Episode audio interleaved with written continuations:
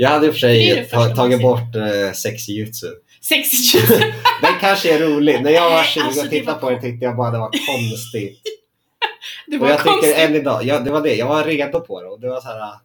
Ja, det är det, en det, man bryter verkligen ner det. Man får reda på det i första avsnittet. Ja, Och det, men det är också konstigt. Det är väl hans transform? Jo, okej, det klarar han ju. Jag tänkte ja att det, det var hans han ju. Han, kla- han klarade inte av sin clone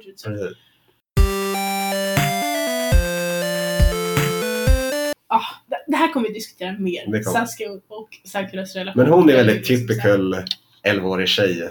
Exakt, exakt. Och Sasuke, man vet ju inte att Sasuke är orphan. Nej, Man vet inte det. precis. Så i första hand så är han ju bara dryg och Han är bara dryg. Ja. Mizuki sensei, nej nej nej.